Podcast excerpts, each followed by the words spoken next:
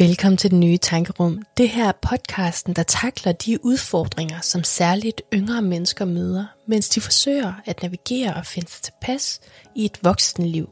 Et voksenliv, hvor pendulet hele tiden svinger hurtigere og hurtigere mellem work and life.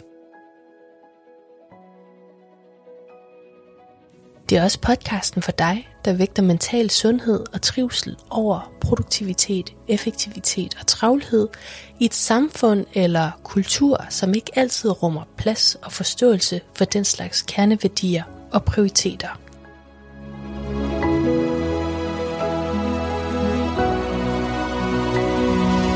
Vi er dine værter, Finzi og Charlie. Tak fordi du lytter med.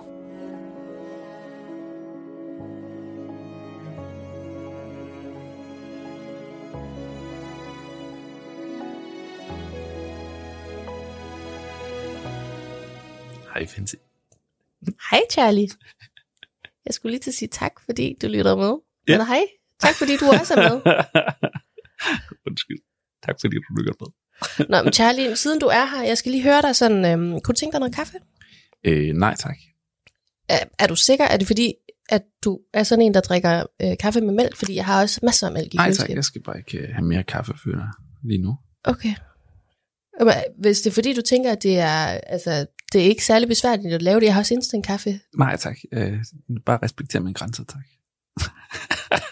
Okay, det er måske lidt karikeret det her, men det er et øh, klassisk eksempel på, på noget, jeg i hvert fald øh, oplever dagligt med, ja, når det kommer til min mor, som, altså, og det er ment i kærlighed sikkert, øh, den måde hun Mm. øh, udviser sin kærlighed og interesse sådan til mig på, det er, at hun kommer med rigtig meget mad hele tiden, og altid uventet, og det, det bliver for meget, og hun hører ikke rigtigt, når jeg siger fra. Ja. Så, og hvorfor siger jeg det? Det er, fordi vi i dag skal snakke om grænsesætning. Ja.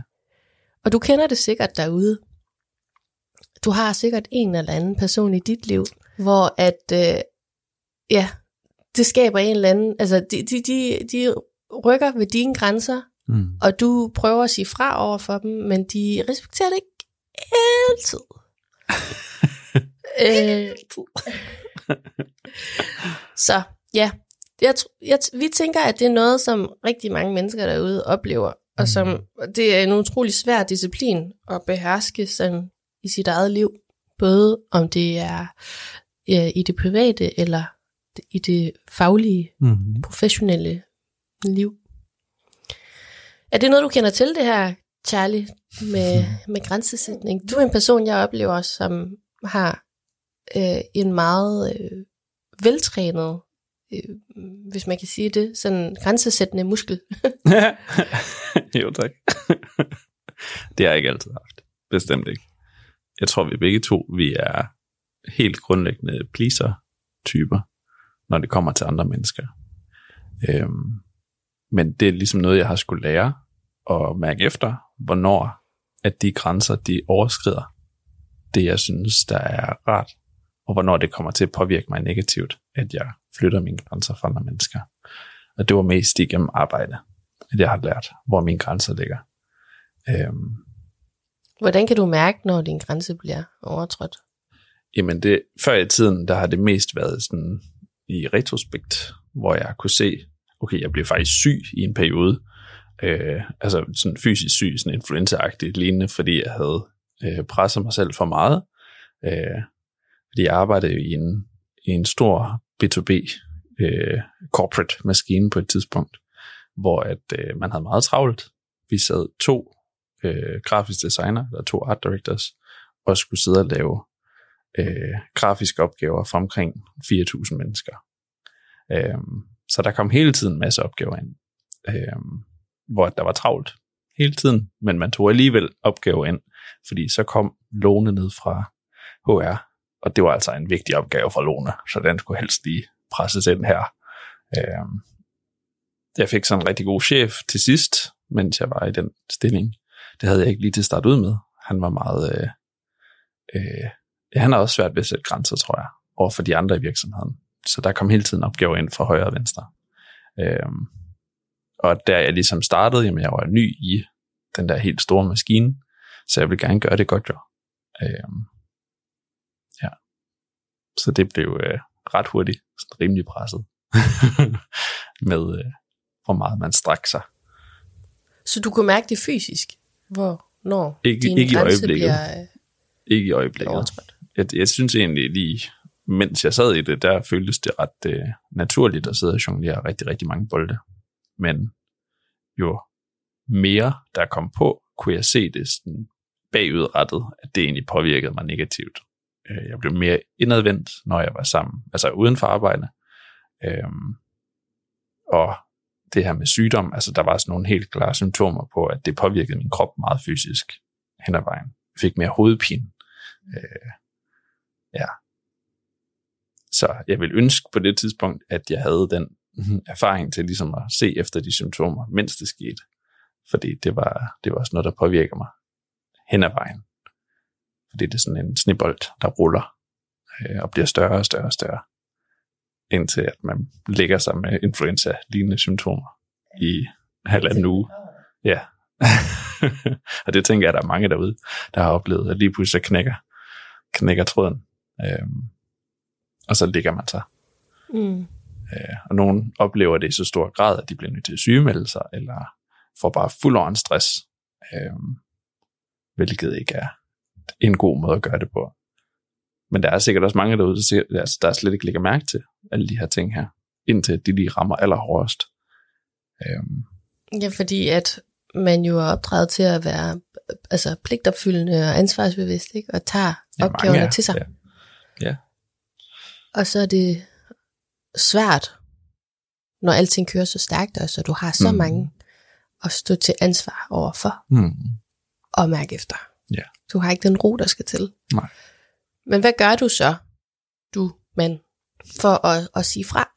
Hvad, hvordan gør man det? Altså jeg spørger, fordi jeg stadigvæk er ved at lære det.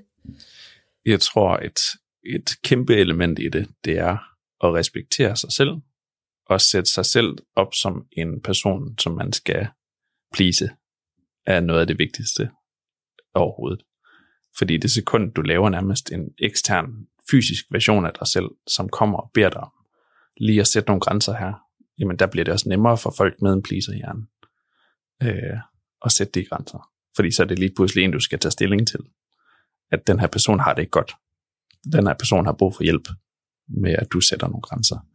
Jeg tror, det er et rigtig, rigtig godt øh, værktøj. Men det er også svært at komme dertil, tror jeg.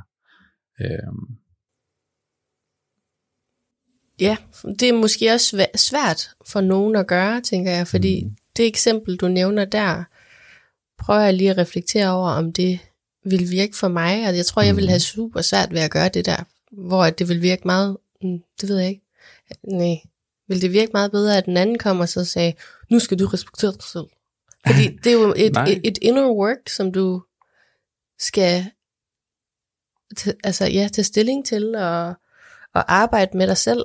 Mm. Øhm, og ja, der vil jeg nok personligt sige, at det er der, jeg er. Og Mm. prøver stadigvæk at finde frem til, hvor, altså i første omgang, hvad er det, der sker i mig, mm, når en situation opstår, der går over mine grænser. mm, For eksempel, når min mor ikke respekterer, at, at jeg siger nej, mm, men ja, så, så skaber det sådan en knude nede i maven, mm. der bare har lyst til at eksplodere nærmest, fordi Ja. hun bare ikke hører, hvad jeg siger. Det er en frustration. Frustrationsboble. Øhm, og ja, der er også en knude i, i halsen. Og sådan. Mm. Så, så jeg tror, der hvor jeg meget er lige nu, det er at identificere, hvad er det, der sker. Mm. Mit næste store øh, øh, step øh, i, i den færd, det er så at, at sige ordentligt fra. Mm, Og det ville nok også være nemt nok, eller nemmere at sige fra, hvis ikke der var sådan en sproglig og kulturel barriere. Åh oh, ja. Øh, Hmm. Måske også, ja, det ved jeg ikke, øh, evnen til rent faktisk at lytte og forstå ja. det. Øh, alt afhængig af, hvem det er, man sådan snakker med. Ikke? Nu prøver jeg sådan at tage det op på det Mm. niveau.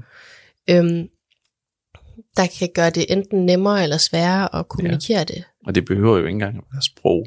Altså nu, nu er din mor, hun er vietnameser. Det kan jeg godt afsløre. Øh, så der er en sproglig barrikade. Men den barrikade behøver nødvendigvis ikke være sprog. Det kan også bare være en, en anden generation eller en anden type menneske, der skaber den her barrikade her. Øh, som virker på meget, meget samme måde, som hvis de ikke helt snakker dit sprog.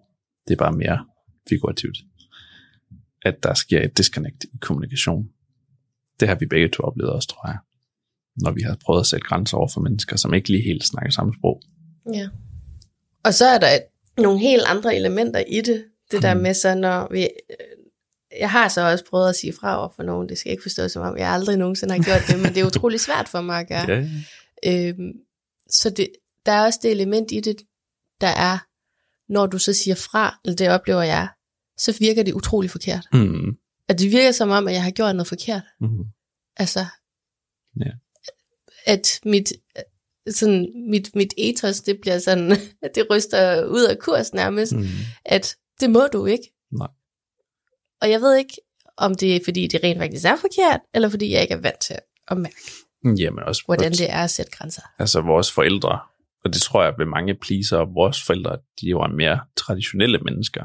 Det var noget med at respektere de ældre, specielt i din mors kultur, øh, asiatisk kultur, med at respektere øh, de tidligere generationer, ligegyldigt hvad det er, de siger, så skal man bare respektere det. Den har jeg også vokset op i, selvom jeg bare har pære danske øh, forældre.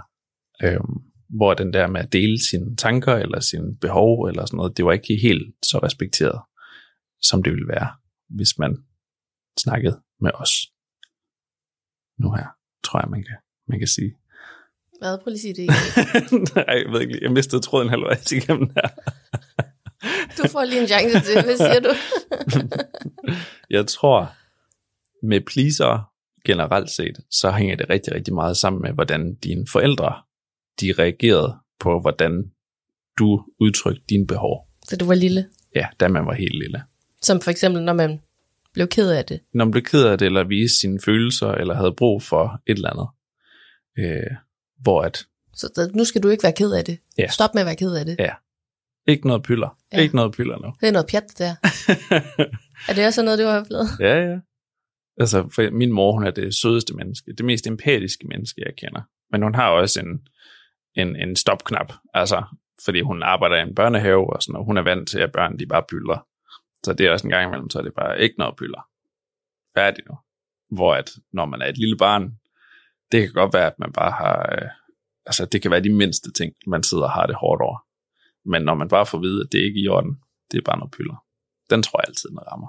Ja, det der, det der med ikke at blive mødt i ens behov, Mm. særligt når du er lille, Mm. gør jo egentlig bare, at du pakker dine egne behov til side, eller pakker Mhm. dem sammen, gemmer dem dybt nede i en eller anden kasse, som du begraver sådan dybt inde i baghovedet af din be- bevidsthed. Ikke? Mm. Og så når du så endelig bliver voksen, og har et behov, Mm.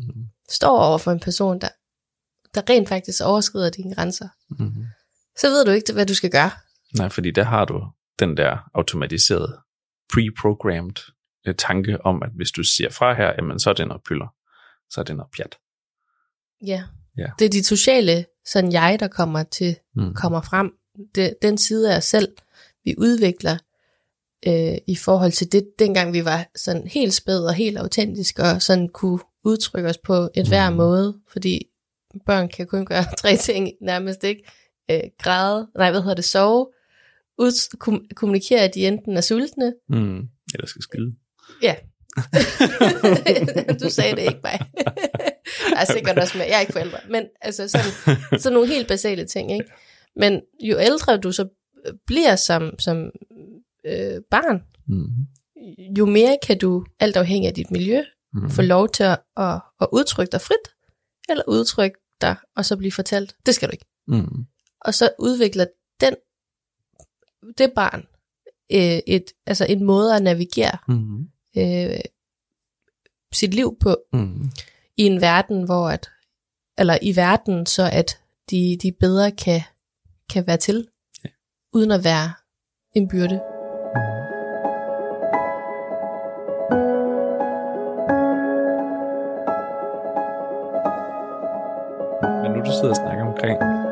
At være barn og sådan nogle ting. Du siger, at du har svært ved at kunne sætte sig selv i sådan en, en fysisk øh, ekstern version af dig selv, som du prøver at please.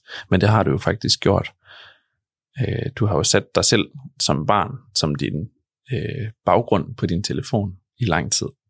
Altså en lille version af dig, da du var, jeg ved ikke, hvor gammel du var, Jeg tror, jeg var syv. meget ung. Hvor at du begyndte at tænke på, at du egentlig skældte hende ud en gang imellem, når du havde kritik omkring dig selv, for eksempel. Det var også en måde at sætte grænser på. Sådan grænser, hvor du lige pludselig finder ud af, okay, At jeg skiller det lille barn ud. Ja, at du skælder lille Fancy ud, som har et eller andet behov for at øh, snakke, eller øh, bruge nogle penge, eller et eller andet i den stil, hvor du bare vil slå dig selv dybt oven i hovedet. Øhm, ja. nu, er vi, nu er vi ude af en anden tangent fra den første tangent. Nå, men altså, jeg, jeg tror, det du prøver at sige, det er, at jeg satte den på som baggrund for netop at minde mig selv om ikke at skille mig selv ud Ja, ja, lige præcis. overfor, Yes. når jeg gør noget, såsom, når jeg gør noget, der for eksempel ikke er produktivt. Ja. Det kan jeg få vildt dårlig samvittighed over. Mhm. Og så kan jeg sådan blive sådan helt selvkritisk. Mm. Det er der sikkert mange andre derude, der godt kan relatere til. Ja. Øhm, hvor det var et forsøg på netop at, at, at forene den del af mig selv, der var mere ren autentisk, mm-hmm. da jeg Mhm. voksede op, til den jeg er nu, som prøver sådan at finde tilbage til den Mm. version af mig selv. Øhm, ja, fordi det, skal, det må gerne være okay at lave noget, der ikke er nyttigt. Mm. Øh, det må også gerne være okay at, at finde lidt tid af i, hver, i, i, i løbet af dagen til at øh, lege. Mm. Enig. Men, og, men det, det var godt, at du lige mindede mig om det, Charlie, fordi grunden til, at jeg overhovedet gjorde det, Mm. det var jo netop for at søge, altså at, at, at grænse søge. Mm. Altså en, en metode til på en måde at sådan finde ind til, hvor ligger mine grænser, og hvordan vil jeg snakke til mig selv, Mm. først og fremmest. Fordi Ja. du sagde det her med selvrespekt. Ja. Øhm, det er en måde. Det er min måde, Mm. indtil videre. Hvordan kan du ellers sådan øhm, afsøge grænser, og hvordan kan du kommunikere til andre, her går min grænse? der er noget rigtig, rigtig vigtigt i selvreflektion i den her kontekst her, tænker jeg. Og det kan du gøre på rigtig, rigtig mange måder. Hvis du er en person, der har lidt sværere ved selvref- selvreflektion, så er sådan noget som journaling, hvor du skriver alle dine tanker og dine følelser ned en gang om dagen, eller når det lige rammer. Øhm, hvis du har været stresset igennem en længere periode, altså skrive ting ned hjælper rigtig, rigtig meget. Øh, det har jeg aldrig selv brugt, altså det her med at skrive ting ned. Øhm, men det ved jeg, du har en del.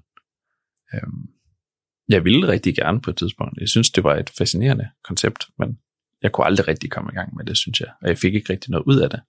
Fordi det er ligesom, der kører allerede en dialog ind i mit hoved, øh, imellem min underbevidsthed og de følelser, der ligger ned, og mit bevidste sind. Så det, altså det er ligesom at skrive. Det går frem og tilbage, hvor at jeg taler det igennem med mig selv en gang imellem. Øh, det behøver jeg ikke at sådan få fysisk ud, for at få den effekt.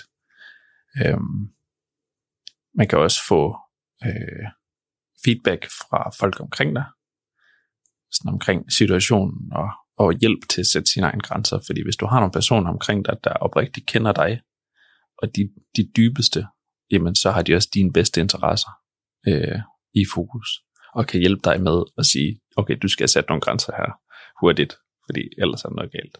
Men der er det så også vigtigt, at du har nogle mennesker, der forstår dig, og kender dig sådan helt rigtigt. Fordi ellers så kan det være den direkte modsatte effekt. Ja, og ser dig, når du egentlig udtrykker det behov, du egentlig Ja. har brug for at få mødt. Altså det, er- det er næsten det worst case scenario, når du deler et eller andet, der påvirker dig til nogen omkring dig. Altså nogen, du holder rigtig, rigtig kært. Nogen, du respekterer deres mening omkring. Og du siger det til dem, og så de siger, ah, det ah, Skulle du ikke bare til at tage dig sammen? ja, skal du ikke tage det lidt sammen? At, at det bliver sådan lidt bagatelliseret, Ja, negligeret? den, Måske. den er hård, og den kan have meget, meget modsat effekt. Ja. Fordi så kan det være, at man bare begraver det igen. Så nå, okay. ja, eller du bliver sådan, du tænker lidt ekstra om, øh, tænker dig lidt ekstra om næste gang, om du så vil dele det med de personer, Hmm. hvad der egentlig går og påvirker dig. Ja. Ja. ja. Så find nogle, find nogle mennesker i dit liv, Som, som du, du føler dig psykologisk trykket ved, ikke? som du ved har din ryg, også først og fremmest. Og det skal ikke bare være folk, der har din ryg, uden at øh, kunne konstruktivt bruge den information, de kommer med. Altså det må også gerne være folk, der siger dig imod, hvis det er helt fuldstændig, øh, hvad hedder det, ude i vejret. Hvad hedder det? Ja, altså de skal ikke bare tale dig efter munden. Nej, det er sådan, ja, ja, ja, Susanne er ude for arbejde, ja, hun er en kælling. Ja, hun er frygtelig. Ja, ja, bare skyd hende, hvis du har lyst. Det er fint. Wow, Nej, okay. ekstremt. du ved, den, der er typer mennesker, som bare sådan taler dig efter munden, fordi de vil helst ikke være, være på tværs eller et eller andet. Og så fortæller de en tredje ven, sådan, uh, ham Charlie der, han sidder godt nok og snakker omkring Susan meget. Øh. Så det handler om at finde nogen, du egentlig altså, kan føle dig helt afslappet med. Altså sådan, mm. hvor du kan mærke, at når du er i deres nærvær, så kan du sænke skuldrene og trække vejret dybt, uden at der sker der noget. Mm. Og at du tør at dele det, der er sårbart for dig med dem. Mm. Og så kan du så se efterfølgende, hvad det så giver dig. Ja. Øhm, fordi man skal jo også altid lige tage altså, sin egen vurdering på den feedback, der kommer. ikke. Men det kan være, at det kan give noget input til, til nye perspektiver, Mm. som du, altså i din færd med din selvevaluering. Man skal selvfølgelig også være åben over for, at det menneske, du snakker med, måske ikke tænker 100% som dig, eller fungerer 100% som dig. Mm. Den er også vigtig. Fordi det kan være, at nogle mennesker, der virker det som, at de skyder dig noget fuldstændig fra start af. Men det kan bare være, at de tænker på en helt anden måde. Ja, det er, det er deres udtryk for altså, øh, den omsorg, Mm. som du egentlig eftersøger, men ikke helt forstår, når de mm. udtrykker det. Der kan være mennesker, der er meget mere praktisk anlagt, og ikke så følelsesmæssigt anlagte. Som, som har tilgangen, at okay, jeg kan se, du er presset lige nu. Lad os få dækket alle de praktiske behov, før du ikke føler dig presset. Men det kan være i den situation, der har du bare brug for, at det er de følelsesmæssige elementer, som lige bliver mentet i et øjeblik. Øhm, at den er sygt svær, fordi du finder ikke generelt særlig mange mennesker, der dækker alle de behov på en gang.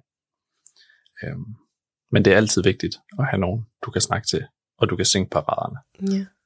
Jeg tror måske også, der ligger et, altså et, et element i, hvis du så også kan komme til den, du, du er i samtale med, og så sige, det er det her, der fylder for mig, jeg har bare brug for, at du lytter lige nu. Mm. Men det er en, en, en anden grad af selvindsigt, mm. som kan være meget svær lige at, at søge ind til, når du står der, og det hele brænder, Mm. og du egentlig bare har brug for nogen at, at lytte med, men den anden forstår ikke helt spillereglerne for, Nej.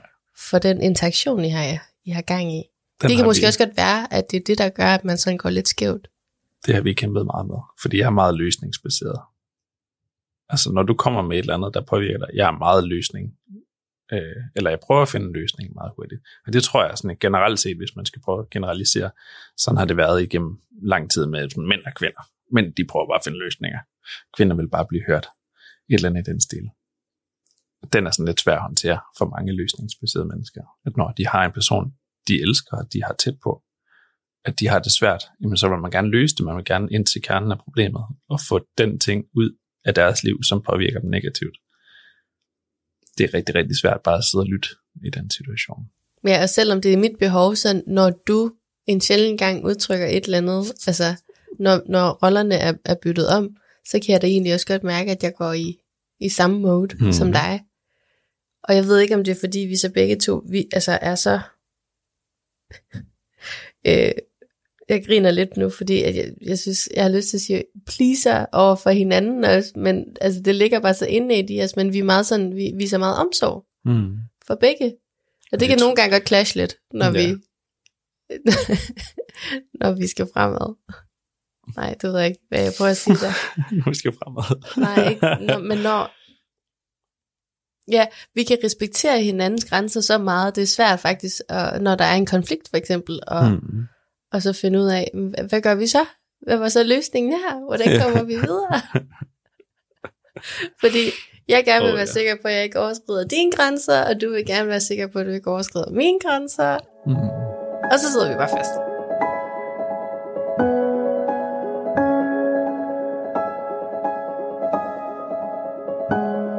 Det var så lidt på den personlige front, hvor måske at du kan relatere derude øh, på nogle områder sådan i dit liv, dig der lytter med.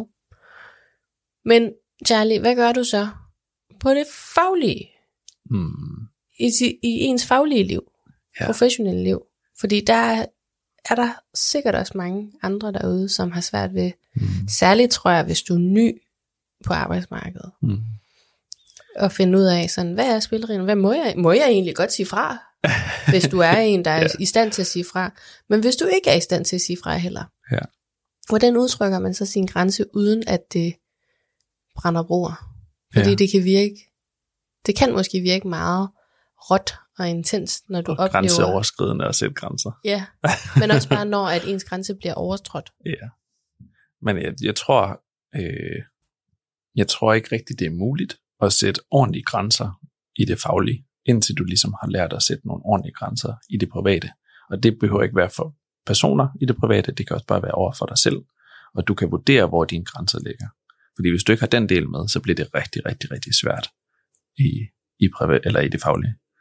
Og det er endnu sværere, når du lige er begyndt et eller andet sted, specielt hvis det er dit første arbejde, tænker jeg. Fordi der er der meget den der kultur med sådan, åh, okay, jeg, jeg er ny her, jeg skal virkelig præstere, for at folk ikke tænker, at det var et dårligt valg at hyre mig. Og der er sikkert også mange derude, der sidder med imposter-syndrom, øh, for at få et job, som de måske ikke helt ved, hvad de laver. Øh. Men et lille tip, der er ikke nogen, der ved, hvad de laver. Der er ikke nogen, der har en flyvende fis forstand på, hvad det er, de egentlig laver. man, man har indlært det, øh, ting, man sådan lige har testet, okay, det, er, det virker, så det er det, jeg gør. Sådan tror jeg generelt set, det er i livet. Og der er nogle af dem, der virker, som om de har mega meget styr på det. Og det har de måske også til dels, men de har også et element af, at puh, jeg ringer det her, og det virker på en eller anden måde. Så det er det, jeg bliver ved med at gøre. Tror jeg. Øhm. Det med at sætte grænser, det er jo igen et, et spørgsmål om at respektere dig selv. Hvad, hvad kan du? Øh, hvad kan du holde til? Fordi hvis du ikke kan holde til noget, der sker på dit arbejde, jamen så bliver du heller ikke værdifuld for dit arbejde. Den er også vigtig at tænke ind over det. At det er jo bedre for arbejdspladsen, at du sætter dine grænser og har det bedre, end det er, at du sidder og drukner og laver dårligt arbejde, fordi du får taget 10 opgaver ind, som du ikke lige havde tid til at ordentligt at tænke igennem. Øhm, og det er det, man håber i hvert fald, at en arbejdsgiver vil tænke også. Ja, og jeg, jeg sidder lige med tanken om det, vi snakker om før, med at søge feedback. Mm-hmm. At i en faglig relation, skal du nok også være altså, sikker på, at det er en, du har psykologisk tryghed med, Mm. øh, hvor at, at du føler dig tryg i at kunne udtrykke Mm. de, ja, dine grænser, ikke? Ja. Uden at der er nogen markant konsekvens ved det, eller at du føler, at du ligesom ødelægger dine ja, karrieremæssige øh, Ja. muligheder. Men det er også en, en spændende debat et eller andet sted. Jeg ved ikke, om det er, fordi jeg sådan godt kan tænke, altså, at, at, at min default adfærd der, det er at tænke sådan katastrofetanker, for når jeg sådan, hvis jeg så udtrykker det her, som egentlig er mit behov, så brænder jeg det og så jo- må jeg ikke noget. Ja, det, er jo, det er jo lille fancy, der snakker. Det er det, du har oplevet, når du har snakket til autoriteter, tænker jeg. Eller du har udtrykt dine følelser for autoriteter, at de bare har skubbet det væk. Det er noget, det er pyller. Ja, det giver jo mening. Men Men er der, altså, det behøver ikke at være så katastrofalt at Nej, sige men- fra det, grund til, at jeg siger, at det er en spændende debat, det er jo fordi, at man skal også vurdere, hvad det er for nogle grænser, man ligesom udtrykker sig for, eller om det er noget, man egentlig bare skal lære og sådan komme lidt ind i. Måske er man bare usikker øh, og skal lige ind i et, et eller andet system, øh, eller en eller anden arbejdshastighed, øh, hastighed, eller et eller andet den stil. Øh, hvor det fra start af godt kan virke super intimiderende, og det kan påvirke dig meget. Øh, hvor det så hen ad vejen bliver meget mere flydende, fordi du lige skal ind i det også. Øh, så hvis man meget, meget hurtigt siger, det her det kan jeg ikke, eller det her det virker ikke for mig, den kan også godt være farlig i en arbejdsrelation. Selvfølgelig, selvfølgelig. Ja, Jeg tænkte mere sådan i et scenarie, hvor at du er lidt mere inde i det. Det kan Mm. godt være, at du stadigvæk er forholdsvis ny, men Mm. du er ligesom, altså vi er et halvt år inde, mm, tæt på et år. Who knows? Alt afhængig af, af virksomheden og Ja. øh, hvor travlt der er. Du sidder måske med mange opgaver mm. allerede, fordi du sidder i marketing, og du skal være en marketing blæksprutte. Du er en person. ja, Du skal kunne det hele. øh, bare for et eksempel. Ja. Og altså, du ved, hvad du skal for at nå de mål, som der er sat for kvartalet, eller Mm-hmm. ja, lad os bare lige indsnævre det lidt der. Mm-hmm. Men så kommer der hele tiden curveballs.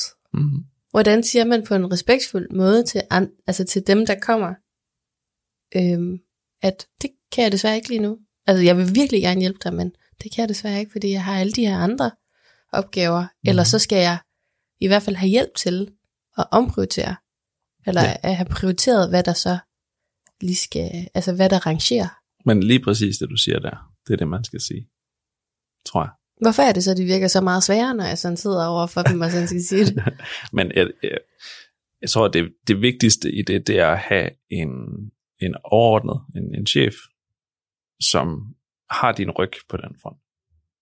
Fordi hvis du ikke har nogen, der kan hjælpe dig med at prioritere i opgaver, du bare sidder, og det er en, en stor gryde med projekter, du kan trække et nummer op af og tænke, okay, så er det den her, og så er det den her, den bliver bare mere og mere fyldt op. Altså man skal også have nogen, øh, der sidder og ligesom kan sige, du fokuserer på det her, hvad end der kommer ind fra HR-afdelingen, fuck det lige nu her. Fordi det er internt, det kan godt skubbes en uges tid eller to, indtil du er færdig med alt det her andet noget. Øhm, men den kan også være svær, hvis du ikke har det. Det er så på virksomheden, det har intet med dig at gøre. Øh, det er også vigtigt at huske. Og der tror jeg altid, jeg har haft et eller andet element af, sådan, okay, jeg kan ikke nå det her. Det er ikke fysisk muligt at nå alt det her. Selv hvis jeg kæmper med 400% effektivitet. Jeg, jeg kan ikke nå alle de her ting her. Hvad gør du så? Jamen, så tager jeg det, jeg kan nå. Jeg tager det i det tempo, som jeg ved, jeg kan producere ting i, i så høj kvalitet, som jeg ved, jeg har det godt med at producere det i. Altså, jeg har en meget høj standard for det, jeg laver. Og det kan også være noget af det, der er med til at stresse mig, hvis det ikke når den standard, som jeg ved, at det kan nå. Fordi der er travlt. Og der bliver man også nødt til ligesom at zoome ud, eller det gør jeg, zoome ud fra dig selv og se det op fra, fra virksomheden også. Jamen, det er noget, der benefitter virksomheden helt ekstremt meget. At man har medarbejdere, der sidder og tænker, kvaliteten skal være høj på det, vi laver. Og det kan ikke bare blive skudt ud med 5 minutters øh, øh, længder, arbejdslængder, hvad hedder det? Frekvens? det? Det bliver lort. Altid. Ja, fordi kan du egentlig stå inden for det over for din egen kunde, så? Ja. Hvis nu, at det er den kvalitet, du Mm. gerne vil, vil, ja, vil have. Der, der er jo ofte det der, øh, eller det ved jeg ikke, om det er ofte, men indimellem, når du sådan står over for en kunder, Ja. skal lande en opgave, så, så er der nogle kunder, der bare gerne vil have tre ting. Mm. Tre kerneting. Prøv at gætte, hvad det er. Billigt. Ja, Hurtigt. Godt. Ja. de skal Men det, det- det hele. ja de vil gerne have alle tre på en gang, Ja. ja. men det kan du ikke. Det Du er nødt til at rykke på to af dem som minimum. Uh, ja. Højst to. Ja. Hvad, hvad vælger du så? Jamen, jeg tror, det er rigtig, rigtig vigtigt egentlig, at næsten ligegyldigt hvad du sidder i at arbejde, hvis der kommer en anden med en opgave, som du føler, der ikke er tid til, og du gerne vil prøve at sætte nogle grænser for dig selv. En af de første steps kunne være bare at stille personen, der kommer med opgaven, spørgsmål om, vil du gerne have, at det er godt, eller vil du gerne have, det hurtigt? Fordi lige nu kan det ikke blive begge to. Jeg har ikke tid til at lave det her godt, så det kommer til at være hurtigt. Og der er også nogle gange, at der siger personen, der kommer med opgaven, jamen det er fint, det er bare en lynhurtig opgave. Fordi der kan du også på en eller anden måde sådan lave en kasse ind i hovedet, der siger, øh, okay, jeg skal ikke bruge så meget tid på det her. Jeg behøver ikke lægge mit alt i det her. Hvis det bare er en lille øh, opgave med en flyer, der skal ud og ligge til en anden konference, som ikke rigtig betyder noget, der skal bare være et telefonnummer og noget på, jamen så behøver du ikke at gå all in på den her opgave her. Og det kan også være med til at hjælpe dig med ligesom at finde ud af, okay, hvad er det for nogle ting, hvor jeg skal prioritere al min energi på, og hvad skal jeg bare give måske 10%? Fordi dem er der også rigtig, rigtig mange opgaver af i de fleste arbejdssituationer, tænker jeg. Uden at være ekspert, eller uden at vide noget som helst om de virksomheder, som jeg ikke kender mig til. Nu ved jeg ikke, hvis du er sygeplejerske, for eksempel, og du skal ned og redde. Kriteriet for, at det er godt, det er, at de ikke dør. Ja, den, den er lidt svær at rykke på, tænker jeg. jeg kan desværre ikke redde ham her i dag. jeg har lidt travlt. Fra Hansen, hun må krasse af. Desværre. Nej, jeg tror, at vi skal lade være med at, at bevæge os derind på. Der ved jeg simpelthen ikke nok, og der har været alt for meget sådan... Øh, du ved, Nå, jo jo, protest. men det er bare for at sige, at det er jo sådan, det er selvfølgelig ikke helt bredspektret over alle brancher, det her. Men så går jeg lige tilbage til mit sp- spørgsmål før. Mhm. Hvordan hvordan, hvis du ikke er vant til at udtrykke dine grænser, kan du i den faglige øh, relation kommunikere dem på en respekt, altså respektfuld måde, både over for dig selv, eller både over for den, der, der kommer til dig, mm. men også hvor du så respekterer dig selv. Jeg kunne forestille mig, at... Er der en, en, en model, eller en, det ved jeg ikke, altså er der en øh, one size fits all? Nej, øh, det tror jeg ikke, der er. Eller hvad gør man? Jeg tror, at det, det er en rigtig god idé, at når du ligesom kommer ind et nyt sted, eller du måske allerede nu sidder et sted, og der sidder nogen, der har været der længere tid end dig, prøv at høre dem, hvordan de sætter grænser af øh, i den her virksomhed her. Sådan, hvad, hvad er okay at gøre? Fordi det kan være meget forskelligt, hvad folk synes er okay at sætte grænser for. Øh, fordi det kan også være en stresser, eller et stresselement, en stressfaktor, at komme til at sætte grænser, som man ikke helt ved er okay. Altså, fordi det er nødvendigvis ikke alle grænser, man sætter, som har samme effekt hver gang. Øhm, så det med at høre nogen, der har arbejdet der lidt længere tid, sådan, hvad, hvad gør I her? Fordi jeg synes, æder er godt nok sat, men jeg har travlt lige for tiden, og det kan jeg mærke, det påvirker mig rigtig, rigtig skidt. Øhm, sådan, hvad er okay at gøre? Øh, og der kan man så ind ud i en rigtig træls situation, hvor de siger, jamen vi sætter der ikke grænser. Må man det? så ved jeg ikke, hvad man gør. Den er svær. Så tror jeg, man skal være for, forstander. Hvad hedder det? For, forløber. Frontløber. Øh, frontløber. Og så begynder at sætte de grænser. Øh, og ture og sætte de grænser over for nogen, som måske tænker, uh, det skal du passe på med at sætte alle de grænser der. Du skal op med buksen og bare tage det på din ryg og gøre det. Fordi der er der et univers, hvor du kommer ud i, at andre også begynder at følge dit eksempel. Øhm, ja. Igen, en alternativ virkelighed. Ja, ja, ja. Ikke univers som i galakse, som i stjernesystem, solsystem og alt det der. Nej. Ja, når jeg siger et andet univers, så er det bare en, en anden realitet, der begynder at udfolde sig ud fra dine handlinger. Mm. Jeg, har, jeg har et eksempel fra et sted, jeg har arbejdet før, hvor at der er en dresscode, og de vil rigtig, rigtig gerne have, at man kommer i skjort, lange bukser, helst også en blazer, hvis man kan komme fra det. Øh, og det er også meget fint, generelt set. Jeg har ikke noget problem med en dresscode. Men når man er i sommermånederne, og man sidder op i en lille afdeling op under loftet, og har det røvvarmt, så sidder alle og har det super uncomfortable. Og der var på et tidspunkt, der tænkte jeg, ej, det er for hvad med det her. Så jeg tog shorts og t-shirt på. Og der var der folk rundt omkring mig, som sådan, øh, må, må, må du det? Og sådan, jamen jeg skal ikke i kontakt med nogen kunder. Der er ikke nogen kunder, der kommer op i den her afdeling her, og ser, hvordan vi sidder heroppe. Øh, jeg kan godt forstå at have en dresscode, når det kommer til, at du skal ud og snakke med folk. Hvis virksomheden gerne vil have en eller anden form for professionalisme øh, udadtil, så er det, så er det super fint. Men hvis du sidder et eller andet sted, hvor det virkelig er ligegyldigt, det kunne jeg ikke forstå logikken i. Så jeg begyndte at have t-shirt og shorts på. Og så var der også andre, der begyndte at have det på hen ad vejen. Fordi det var simpelthen for vanvittigt, at man sidder og sveder træn, og skal sidde og prøve at lege, at man kan arbejde, når man sidder og er helt gennemblødt. Øhm, så det her med ligesom at, at sætte en eller anden grænse for, også logisk, det her det giver ikke nogen mening. Det her det er vanvid. Lad os prøve at ændre den her lille del hen ad vejen. Øhm, ja, det var bare et eksempel et tidspunkt, hvor der var sat en grænse. det ville jeg ønske, jeg kunne. Bare sådan gå imod og sådan sige, fuck det. Men jeg tror også et eller andet sted, så handler det, det om, svært ved. det handler også om at være klar til at tage den snak med en person, der kommer hen. Altså hvis der kommer en fra ledelsen og snakkede til mig omkring det, jeg var klar, og jeg håbede lidt på, at det skete også, at der var en eller anden, der kom hen og sagde, jo, du skal lige have skort på. Fordi så kunne jeg bare sige, hvorfor? Hvorfor, hvorfor skulle jeg det? Der, jeg er ikke øh, i forbindelse med nogen kunder. Der er ikke nogen, der ser mig udefra. Hvad får vi ud af, at man sidder og har det så elendigt og laver dårligt arbejde? Fordi den bliver også hurtigt vendt om til, vil du gerne have, at vi laver dårligt arbejde her? For hvor mange penge betaler I løn, øh, altså med, med medarbejderen, løn? Og hvor meget godt arbejde vil I egentlig have ud af det? Fordi hvis det er ligegyldigt, jamen fair nok, så skal jeg nok sidde og have det elendigt. Men det jeg producerer, det bliver røvdårligt, fordi jeg sidder og har det dårligt samtidig. Altså det handler meget om at ture og stoppe for sig selv i den situation. Så det kan også godt være svært. Det ved jeg godt. Øhm, men det et eller andet sted, så tror jeg bare, det handler om at sådan virkelig tænke igennem de beslutninger, som man laver med sine grænser. og hvorfor det er, at de er der, og hvorfor det er, at du har behov for at sætte dem. Ja, hvad, hvad tør du stå på mål for? Ja. Og også være lidt rebelsk, tror jeg. Ja, Og lidt klar til at slås. Ikke fysisk, men lidt klar til at tage samtalen. tag, ja, tag konflikten. Men det er 100% fordi jeg er, som jeg er. jeg har ikke noget mod at stå op for noget, der virker vanvid. vanvittigt. Fordi ja, der er ikke noget værre, end jeg ved, end at bare gå. Det ved du også selv. Gå på en eller anden vej, som en million andre mennesker har gjort før, hvis den vej, den er ulogisk, eller ikke er tænkt igennem. Jeg hader det. Det er noget af det værste, jeg ved.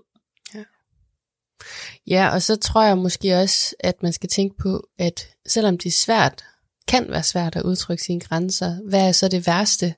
At du ikke får chancen, eller at du ikke siger, hvordan du rent faktisk har det, eller at du skal leve med, at du har overtrådt din egen grænse ved ikke mm. at stå op for dig selv. Ja. Det bliver man rigtig, rigtig bitter over igennem tiden, tænker jeg. Jo mere og mere man oplever det, jo mere og mere bitterhed kommer der over det. Og jo mere og mere visner du et eller andet sted. Ja, du bliver mindre og mindre dig selv. Ja. Fordi du bare lader andre behandle dig på den måde, som du tillader dem mm. Mm. at behandle dig. Så hvordan vil du egentlig gerne behandles? Ja. Og så start med at sige fra over for folk om, at det der, det bryder mig ikke om, at du gør. Ja. Eller det der gør mig ked af, ked af det, når du siger det på den måde. Ja. Eller når du gør en bestemt ting. For det kan også sagtens være, at folk ikke ved det. Altså ja. dem, der kommer med opgaverne. Fordi det kan være, at man er rigtig, rigtig god til at proppe facader på. Ja, sorry, det var i det private, men det kan være begge to. Men ja, Ja. ja. hvordan gør man så også øh, rent fagligt? Nå, jamen det kan også godt være privat. Eller Altså- det her, det stresser mig, hvis du kommer, at, at lige nu, så har jeg så mange opgaver Ja. på mit bord. Jeg vil rigtig gerne hjælpe dig, men så er vi nødt til lige at have en dialog om, hvad der er, Ja. der er vigtigst. Ja. Eller hvordan. Men, men det gælder både privat og, ja, altså, det kan være, at folk slet ikke ved, at du sidder og har det på den måde, du har det omkring det, de kommer med. Eller de ting, de siger. Altså, man er rigtig, rigtig god til at proppe masker på og facader op og sådan ting. Så hvis folk ikke ved det heller, jamen, det behøver ikke at betyde, at de er dårlige mennesker, eller de er, De ved ikke, at du er føler dig stresset. Ja. Eller, indtil der er et eller andet, der knækker, og de godt kan se det. Den er ekstremt vigtig også. mm. Øh, Så der handler det måske også om at ture og sige, at uh, ture og sige højt, hvad det er, der virker lidt sårbart ja. Ja. i situationen. og tage det i opløbet, og Ja, ikke ja, tage det, ja. når det knækker. Ja, Fordi jo mindre en, en påvirkning, som du kan tage fat i og dele, jo mindre kommer det også til at fylde i den persons hoved. I stedet for at du kommer, når at det er fuldstændig bræt sammen, og du skal tilbygge det hele i Hamburg. Altså, det, det dur ikke. det har jeg aldrig hørt før, men ja, jeg tror godt, jeg forstår det. Ja. ja, og på samme vis. Man kan måske relatere det lidt til, at det her med pauser, Mm-hmm. for at du kan få mere overskud, Ja. så handler det om ikke at tage pausen, når du er helt død. Altså, at du ikke tager pausen, når at øh, dit eget indre batteri siger 10% eller 1%, men du rent faktisk skal tage den pause, når at du er på 40%, 30%. Enig.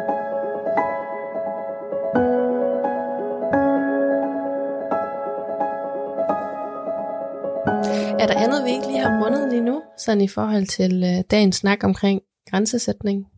Synes du, vi har besvaret spørgsmålet godt nok? Jeg tror i hvert fald, vi er kommet langt omkring. Mm. Det, der er problemet med vores snakke her, det er, at der ikke altid er en, en direkte konklusion at drage ud fra det, Mm. mm. tror jeg.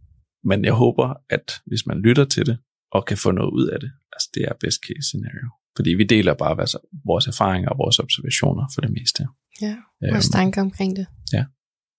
det er det nye tankerum. Det er en, et, et rum, hvor der bliver kastet tanker rundt omkring de her ting her. Ja. Øhm, Så hvis du får noget ud af det, så del gerne med os, hvad det er, at du får ud af det. Det kan bare være en tanke, det kan være, du har lyst til at dele din egen erfaring, eller Åh oh ja, meget noget gerne. lignende. Så er du mere end velkommen til at skrive til os ind på Instagram. Vores handle hedder Det Nye Tankerum. Mm.